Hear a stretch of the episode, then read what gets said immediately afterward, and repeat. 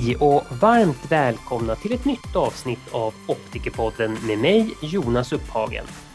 I månadens avsnitt ska vi fortsätta prata om samsynsproblem med Carl Fernholm. I del två av denna följetong kommer vi fortsätta prata om symptom och hur Carl till slut fick rätt diagnos och hur behandlingen gick till av sina samsynsproblem. Så med de orden fortsätter vi samtalet med Carl.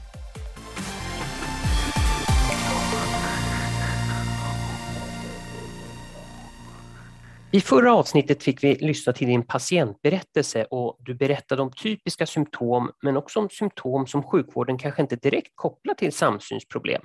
Du kan väl börja detta avsnitt med att repetera symptomen på samsynsproblem då det är viktigt att känna till dessa symptom.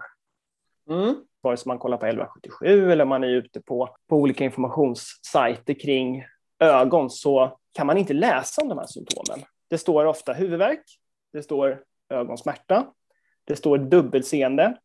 Det kan stå läsproblem. Det är ju de vanligast förekommande som man läser om. Men för mig som patient, exempelvis, eller om jag skulle arbeta med professionellt med ögon, så är de andra symptomen så pass viktiga att jag måste liksom ha hela symptombilden, måste förstå att det är allting från huvudvärk till nacksmärta och ryggsmärta, till smärta i käkarna, i ögonen, till att man då har en, ofta en sned huvudhållning, exempelvis att man lutar huvudet åt höger eller vänster axel, och man har en dold vertikal skelning. Till då att man har synrelaterade problem som ljuskänslighet, torra ögon, likväl som eh, lite skuggig bild etc. Till att man har lässvårighet, koncentrationsproblem, att man kan bli väldigt, väldigt utmattad, eh, speciellt vid närarbete, till yrsel, desorientering etc. etc. Och de här psykologiska symptomen som är väldigt ointuitivt om man inte känner till kopplingen till ögonen och varför de här skulle kunna uppstå. Att man kan få en panikattack till och med och känna en otrolig ångest eller oro av att ögonen inte är synkroniserade. Det är ju någonting som ligger så långt ifrån den gängse uppfattningen som, mm. som man mm. nästan kan komma. Eh, och det är just det här att lyfta fram hela symptombilden, för det var det som hjälpte mig. Det var först när jag kunde se de här 30 till 40 symptomen som man kan få av samsynsproblem som jag förstod att okej, okay, det här är ju det jag måste ha. Och jag kunde inte läsa mig till det på svenska, utan jag, jag tog en, fick liksom hitta detta via amerikanska ögonspecialister. Och den symptombilden, den är otroligt kritisk att den kommer fram, eftersom det är inte säkert att samsynsproblemen upptäcks, för de kan vara väldigt svåra att upptäcka. Så då behöver man liksom börja med att förstå symptombilden, titta på patienthistorien. Och har man en kombination av de här symptomen, då visar då forskning att då har man en hög sannolikhet att man faktiskt har samsynsproblem och sen gå vidare till att försöka hitta samsynsproblem. För då har man liksom ringat in detta, man skapar ju sin hypotes om att det här borde vara det som är orsaken. Och sen då gå på och undersöka patienten. Liksom.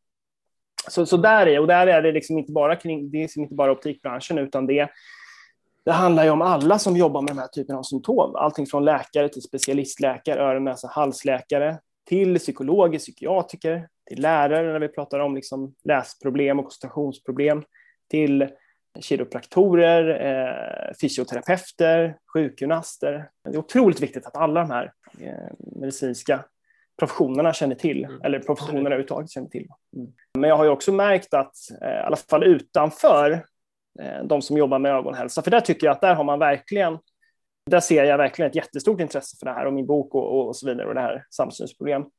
Men utanför detta, till exempel i media, så är det, jag tror det är väldigt svårt att, att ta på de här sakerna. Det är någonting som man inte, man, man förstår inte riktigt det här. Man har alltid tänkt att ja, men, synen, ögonen, det handlar bara om att se bra. Men vårt synsystem, det är så mycket mer.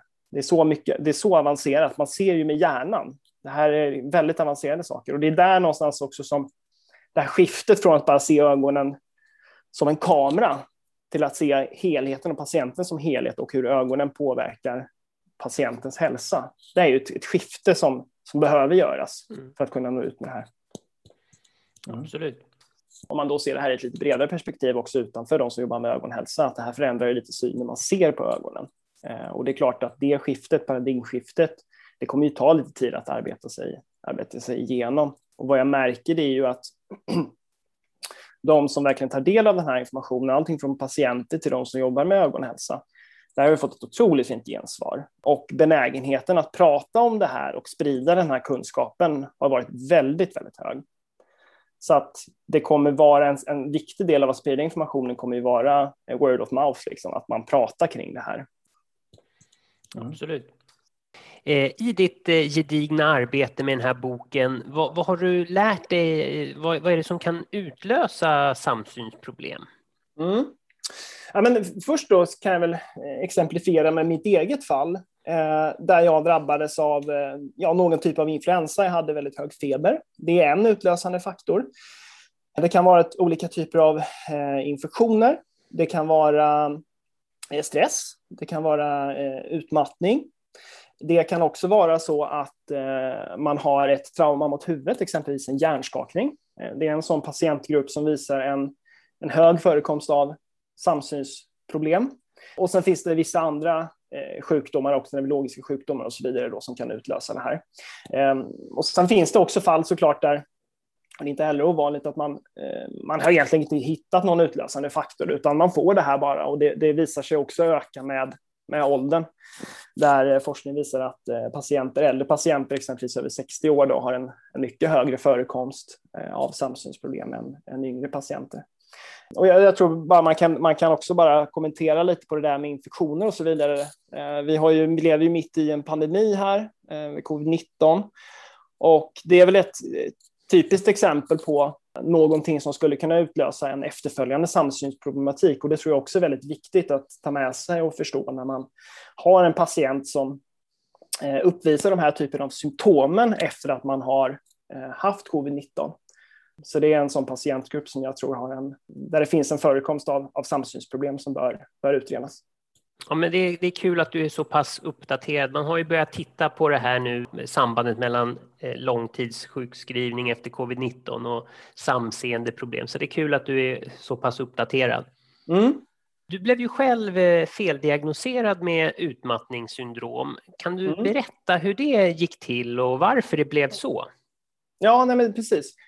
Så, så, under tiden då, innan vi förstod att det var, att det var samsynsproblem, så blev jag eh, diagnostiserad av två läkare för utmattningssyndrom.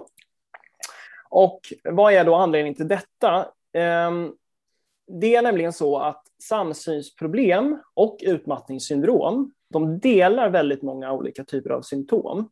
I min bok så har jag gjort en ganska så ska vi säga, rudimentär analys där jag då har sett att utav de vanligaste symptomen för utmattningssyndrom, så 90 procent av de symptomen ungefär kan man också få genom samsynsproblem.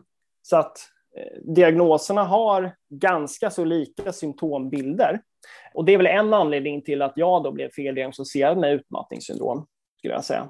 Så det är också något som är viktigt att ta med sig när man, om man har blivit diagnostiserad med det eller man misstänks eh, lida av detta, att samsynsproblem kan vara en differentialdiagnos också till utmattningssyndrom. Och då vill jag väl återigen komma till det där, liksom att tittar man på mitt fall så jag tyckte ju inte att, jag, jag kände ju inte igen de här symptomen från, egentligen i alla fall direkt ifrån att jag hade jobbat mycket eller att, att liksom, jag kände att eh, det hade med utmattningssyndrom att, att göra.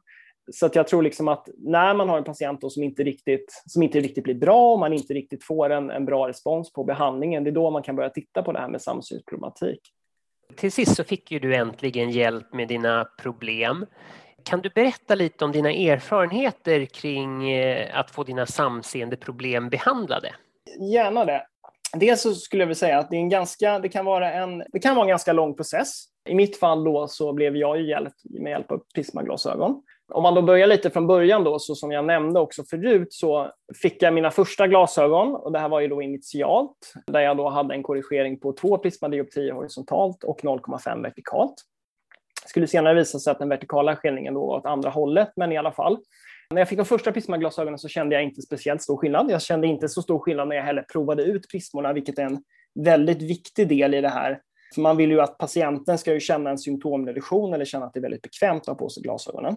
Men de första prismaglasögonen så kände jag inte så stor skillnad. När jag fick de andra prismaglasögonen och man korrigerade min horisontala skelning fullt ut från 2 till 7 prismadioptrier, då skulle jag säga att hälften av symptomen försvann. Eh, det var en enorm skillnad. Det var, eh, jag, brukar beskriva den här känslan av att få de här glasögonen ungefär som att man, vad föreställer jag mig då, om man skulle få något lugnande medel? Det, det var en enorm avslappning. Det var det. Och sen det som hände efter det då när, när den här horisontala skelningen hade råts ut, så, så hade jag då regelbundna undersökningar eftersom symptomen var inte helt borta. Jag hade fortfarande symptom, jag kunde inte läsa, jag hade fortfarande ont i nacken och så vidare. Och där var det väldigt trixigt för att vi, vi var på den horisontala skelningen och korrigerade den. Det såg ut som att min horisontala skelning hela tiden ökade. Men det vi kom fram till till slut, det var att jag hade en dold vertikal skelning på 0,5 prismadioptrier som var vänd åt andra hållet. När vi korrigerade den skelningen, då minskade även min horisontala skelning. Så då drog vi ner den. Vi var uppe på 9,5 prismadioptrier, drog ner den till 7. Skillnaden mellan jag hade också en skillnad mellan att jag skelade mer på nära håll och på långt håll. Och det försvann när vi korrigerade den dolda vertikala skelningen. Och den var bara på 0,5 prismadioptrier. Och sen gjordes en ytterligare liten justering på 0,25 prismadioptrier på den vertikala. Och när den var gjord, då var, det, då är jag i princip helt återställd skulle jag säga. 95 procent återställd eller ännu mer. Idag skulle jag säga att jag är i princip 100 procent återställd. Jag har inga, inga besvär kvar alls. Så jag tror liksom att några viktiga eh, saker att ta med sig här. Det är ett att det är en process det här. Patienten kommer inte kunna, kommer inte kunna ta all prismakorrigering från början. Man behöver ha återkommande besök.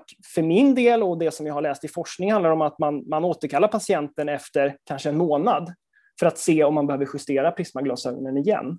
Och man behöver minst två till tre korrigeringar av prismaglasögonen.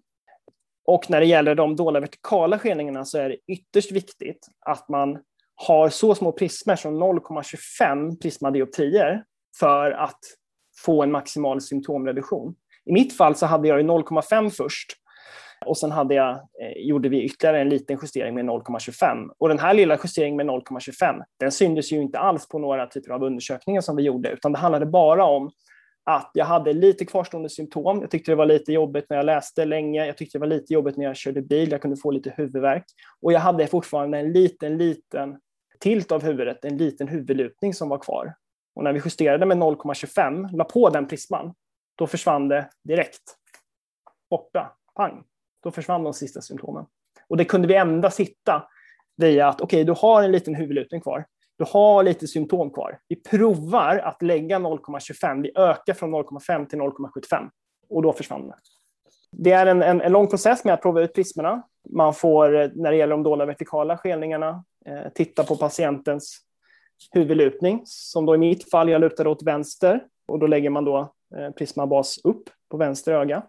Eh, man kan börja med en prismadioptri och sen så kan man justera det här med 0,25 tills patienten då känner att det är maximal avslappning. Och sen återkallar man patienten inom en månad, för då har alltså ögonmusklerna slappnat av. Jag var ju ungefär med en månads mellanrum kan man säga på efterföljande eh, undersökningar och justeringar. Du är ju som sagt eh, utbildad civilekonom i botten. Mm. Så att vi måste ju lyfta fram den sidan av det här också. Jag har ju förstått att du har gjort en del kalkyleringar kring det här. Mm. Så att förutom patienternas lidande, vad mm. uppskattas samhällskostnaden för obehandlade samsynsproblem vara i Sverige? Ja, men precis. Jag har gjort en, eh, en väldigt omfattande kalkylering av det där. Och mina slutsatser, min estimering, Eh, och det här är ju ingen siffra som som man ska ta på decimalen, men snarare att man får en sorts storhet kring det här, eh, är att det här skulle kunna kosta det svenska samhället eh, upp mot 13 miljarder i utebliven produktion. Och då har jag tittat på bara patientgruppen från 20 till 64 år som arbetar. Och det här är alltså kostnaden som den uteblivna produktionen i form av sjukskrivning skulle kunna Eh, ge upphov till. Så 13 miljarder Oavsett om den siffran är korrekt eller inte så, så pratar vi om att vi, det vore väldigt svårt att argumentera för att vi inte pratar om att det är flera miljarder varje år som det här kostar. Och, och jag ska bara berätta jättekort kring bakgrunden till, till den här siffran. Det är ju så att jag har tittat på då hur många procent av befolkningen är det som har samsynsproblem. Det är det första man behöver förstå. Och där finns det ganska mycket forskning eh, på förekomsten. Och eh, den forskningen den indikerar att det är i alla fall minst 10 procent av befolkningen som, eh, som då lider av samsynsproblem. Och sen behöver vi då förstå, men okej, hur många är det som är behandlade redan för det här? Och då har jag tittat på hur många ortoptister det finns i Sverige och sen har jag tittat på hur många patienter de kan behandla och sen har jag tittat också på uppskattat ögonläkare och optiker också som behandlar de här patienterna. Och jag uppskattar någonstans att ungefär 300 000 patienter är diagnostiserade och behandlade för det här, vilket innebär att det återstår 700 000 patienter.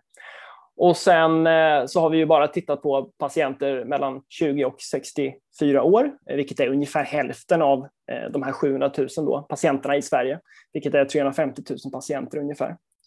Och sen så har jag gjort så att jag har uppskattat ungefär vad det här skulle leda till i sjukskrivning, vilket är en väldigt svår fråga att svara på för att där finns det lite, lite mindre data. Men där har vi gjort antagandet då i den här beräkningen att det är mycket ovanligare att ha svåra symptom, så som jag hade, än att man har lättare symptom, att man kanske har lite lättare huvudvärk eller lite lättare nackvärk eller sådär. Så, att, så att jag har gjort en uppskattning av det och gjort en modell eh, där jag egentligen då antar att hälften av alla de här 350 000 patienterna, de har inga besvär som är så svåra att de ens behöver behandlas. Och sen halverar jag det här hela tiden, eh, där varje då gjort sju stycken olika grupper och där varje då grupp har eh, en, en viss allvarlighetsgrad och tillika då ett visst antal sjukskrivningsdagar per år och kommer ner till att ungefär hälften av de här behöver ingen behandling alls. De har inte så allvarliga samsynsproblem. Medan endast 6 000, de, de är så sjuka så som jag var, vilket då, då är en, en, eh, en ganska liten del av patienterna. Och sen har man ett, ett antal patienter däremellan då som har en viss procent sjukskrivning per år. Och det här summerar då upp till att ungefär 30 000 sjukskrivningsår bör detta generera och kostnaden för det då i utebliven produktion, det är ungefär 13 miljarder. Jag förstår. Och något av det viktigaste med att vi spelar in det här avsnittet är ju att eh, branschen ska känna till det här att det, det, finns eh, en grupp människor som har de här problemen och som kanske missas i, i vissa fall. Vad skulle du säga är det viktigaste att känna till för att hjälpa de här patienterna till rätt diagnos? Det absolut viktigaste, jag skulle lyfta fram några saker, men det första jag vill lyfta fram, det handlar om att man behöver förstå hela den här symptombilden. Det är nyckeln till att hitta de här patienterna. Alltså förstå att samsynsproblem kan generera allt från huvudvärk till nacksmärtor, till att man kan ha lite grumlig syn på ena ögat, till att man kan få yrsel och balanssvårigheter, till att man tycker det är jättejobbigt att få panikattacker eh, när man är ute bland folk eller när man kör bil, eh, etc. Så att hitta patienterna, ställa de här frågorna kring om de har de här besvären. Där finns det ett, ett verktyg som heter Binocular Vision Dysfunction Questionnaire som är publicerad i, i USA, där man då kan använda för att screena de här patienterna. Så det första liksom handlar om att oavsett om man använder det verktyget eller om man ställer frågorna, det spelar ingen roll, men hitta patienterna genom att ta patienthistorien och se om man har en kombination av de här symptomen.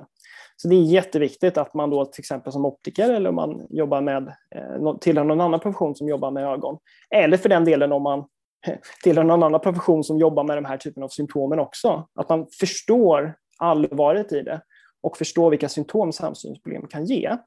För att därigenom sen, antingen om du besitter kompetensen själv, att du kan behandla patienterna, eller om du remitterar dem till någon som kan. Så först och främst hitta detta. Så ställa frågorna, men också att man alltså, visualiserar de här symptomen på Eh, olika typer av informationskällor. Alltså, om, om jag går in på en, vi tar till exempel om jag går in på en, en, eh, en eh, ögonklinik eller en, en, en optiker etc. Då behöver jag ju kunna läsa om de här symptomen. För det var så som jag som patient förstod att det var det här jag led av. Så man behöver ha det här visualiserat och kommunicera de här symptomen för att kunna hitta de här patienterna. Eh, så det är det första kring att kommunicera symptombilden. Och sen handlar det andra om lite kring det här att alltså samsynsproblem är ju ett vitt begrepp. Det kan vara så många olika saker. Jag har pratat lite om det här med dold vertikal skelning. Det behöver inte alltid vara det. Det finns många andra typer av samsynsproblem. Men det, anledningen till att jag lyfter fram det lite, det är att de är så svåra att hitta. Så att även om de vanliga metoderna som man använder för att, för att hitta samsynsproblematik inte riktigt ger något resultat, men om det är så att patienten ändå har de här symptomen, att man har det här, den här alternativa metoden som ett verktyg i sin verktygslåda, titta på patienten, se om man har en huvudlutning. Har man inte det så kan man ju alltid prova att applicera en vertikal prisma i alla fall på höger eller vänster öga. Och det är först om patienten känner att, att alltså man, man brukar ha en symptomreduktion inom 10 till 20 minuter. Alltså den kommer ganska direkt den här. Så har man en positiv, får man en positiv respons från patienten, och har de här symptomen, då, då, då har man liksom diagnosen där i sig. Va? Det är det som de lyfter fram i USA genom sin forskning, eh, genom att ha behandlat över 10 000 patienter. Så det är också väldigt viktigt att ha det alternativa verktyget för den som behandlar för att man inte ska missa patienten om man har de här symptomen. Så det skulle jag säga är de två, två viktiga sakerna att ta med sig. Ja, jag förstår.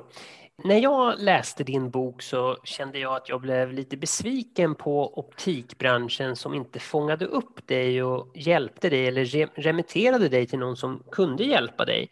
Eh, vad, vad, känner du? Är du besviken på optikbranschen? Nej, nej, men jag är inte besviken. Däremot så, så skulle jag säga så här, jag skulle säga att det här är någonting som på en mycket högre nivå behöver lyftas fram och, eh, och kommuniceras. Att de här symptomen finns där och att, att det här, eh, att liksom allvaret kring samsynsproblem, det är baserat på allting som jag har tittat på, alla informationskällor exempelvis, då, nu har jag fokuserat ganska mycket på Sverige och så vidare. De har, det, det, finns ju inte den här informationen kommunicerad, så hur ska man då som optiker, eller kanske ögonläkare eller ortoptist, eh, veta att en kombination av de här symptomen är det som det, det skulle kunna vara samsynsproblematik bakom detta. Så att på så sätt så är jag inte besviken. Eh, det är jag inte. Utan det här är någonting som man behöver lyfta fram brett. Eh, också liksom utanför optikbranschen, eh, utanför liksom ögonsjukvården, inom hela sjukvården, i media och så vidare. Eftersom detta är så pass vanligt som 10 procent av befolkningen och kan ge så allvarliga symptom. Så att jag tycker att baserat på den som man känner till idag och, och, och så som man arbetar så, så, känner jag inte att det är liksom ingenting som... Jag känner inte att det är någon som inte har gjort sitt jobb. Det känner jag absolut inte. Utan jag känner snarare att det finns ett skallande behov av att lyfta fram den här problematiken för att hjälpa så många som möjligt. Ja, men det, det är skönt att höra.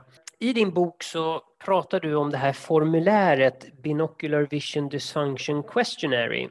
Vart får man tag på det frågeformuläret? Det här då, Binocular Vision Dysfunction Questionnaire, det finns eh, på, en, eh, på en ögonklinik i USA som heter Vision Specialist of Michigan. Så att om man söker på Vision Specialist of Michigan, går in på deras hemsida och eh, tittar där sen på eh, Binocular Vision Dysfunction Questionnaire så finns den questionnaire där.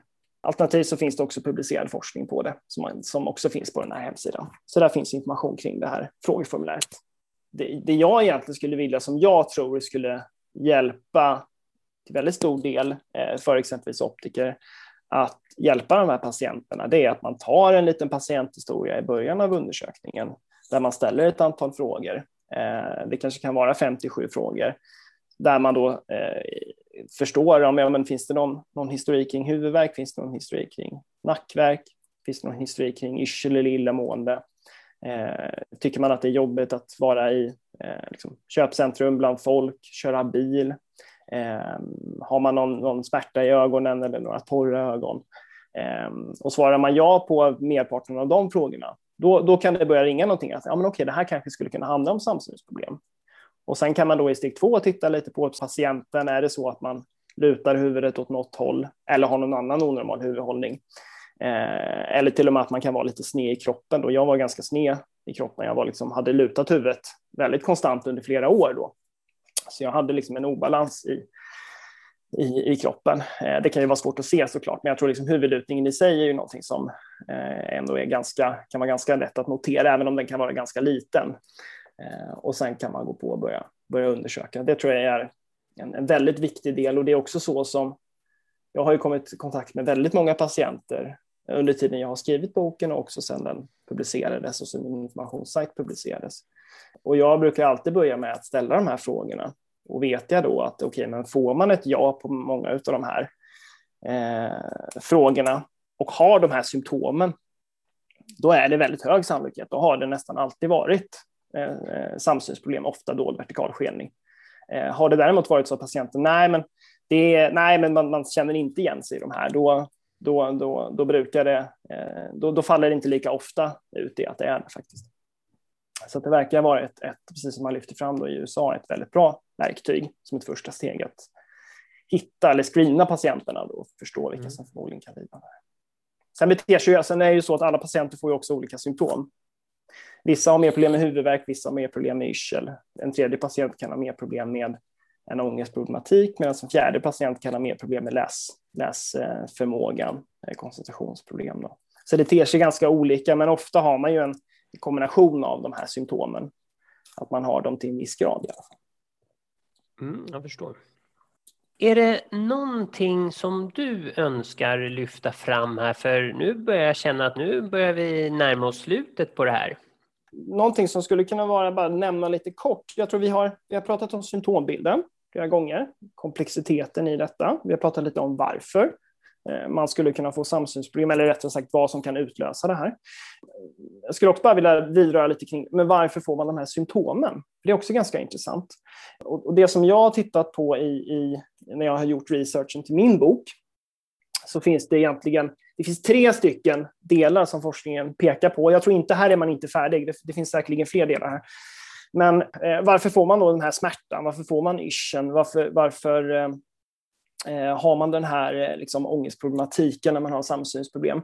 Och den första delen det handlar om att, eh, det här upptäcktes bara för ett par år sedan, att vid samsynsproblem, när man hela tiden synsystemet får korrigera genom att hela tiden flytta ögonpositionen, då finns det en, en cranialnerv som heter trigeminusnerven som blir irriterad. Och, eh, så man får alltså då neurologiska symptom och man får då en, en, en smärta i käkar, i, i bihålorna och i nacken. För den här nerven är nämligen inblandad i liksom att registrera smärtsensation i de här områdena kring huvudet. Så, så det är liksom en primär del till just omkring kring smärtproblematiken. Då. Och som man också diskuterar om den kan faktiskt ha lite med ischen att göra också. Men det är den ena, det är den här eh, neurologiska delen med trigeminusnerven. Sen har man en annan del då som också kopplar till smärtproblematiken och det är ju så att när patienterna eh, till exempel har en sned huvudhållning så snedbelastar man ju såklart kroppen eftersom huvudet väger ju 5-6 kilo. Och det gör ju då i sin tur att man kan få muskulära problem, kanske framför allt då i, i överdelen av kroppen, axlar, nacke, övre delen av ryggen. Så det är den andra delen kring, kring smärtproblematiken. Och sen har man den, den sista delen också som handlar om, om framförallt kanske de här balansrelaterade symptomen, att man får en mismatch i informationen från, från synen till balanssinnet. Så att informationen som balansorganen eh, via öronen då, och informationen som registreras från kroppen eh, läser av inte stämmer överens med det som kommer från, från synen. Eh, och det skapar då yrsel, desorientering, illamående etc. Så, så det är tre stycken eh, bakomliggande eh, orsaker, eh, fysiologiska, som då pekar på det här. Eh, och jag kan bara lite kort koppla just det här till det här symptomet kring panik, panikattacker och generell oro och ångest och sådär. Varför får man det för? Ja, det vet man inte riktigt. Men det finns en huvudsaklig teori där. Det är nämligen så att det finns mycket forskning på eh, att patienter som har problem med exempelvis balansorganen, de har en mycket högre förekomst av ångestdiagnoser och får oftare panikattacker etc. Så att det är väldigt välutforskat kring att liksom yrselproblematik i sin tur driver ångestsymptom. Och vad man tror där då, som, som den här amerikanska forskningen visar, det är ju att samma typ av, av liksom koppling mellan eh, samsynsproblem och, och de balanssinnesrelaterade symptomen man får från ögonen. Det, det är det som skapar ångestproblematiken då på samma sätt då som exempelvis om man har eh, kristallsjukan eller vad det skulle kunna vara för några balansorgansrelaterade eh, åkommor. Så, så därigenom kommer, kommer det. Då. Nej, men då vill jag bara säga ett jättestort tack till dig för att du tog dig tid att prata med mig i Optikerpodden och lyfta fram det här spännande och intressanta och viktiga området. Tack så mycket Jonas, det har varit eh, hemskt roligt att vara med och jag eh, är väldigt tacksam för att jag har fått möjligheten att medverka och prata kring det här området för att det är så pass viktigt och det är så pass vanligt förekommande. Så stort tack!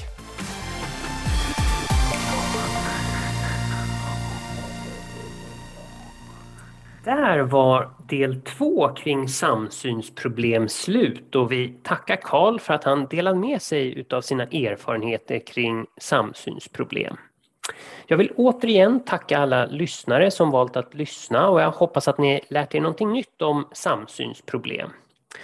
Börja gärna prenumerera på podden och hjälp gärna till att sprida kunskapen om samsynsproblem vidare. Sist men inte minst så vill jag tacka min samarbetspartner Optikerförbundet som hjälper till i skapandet utav Optikerpodden. Vi hörs!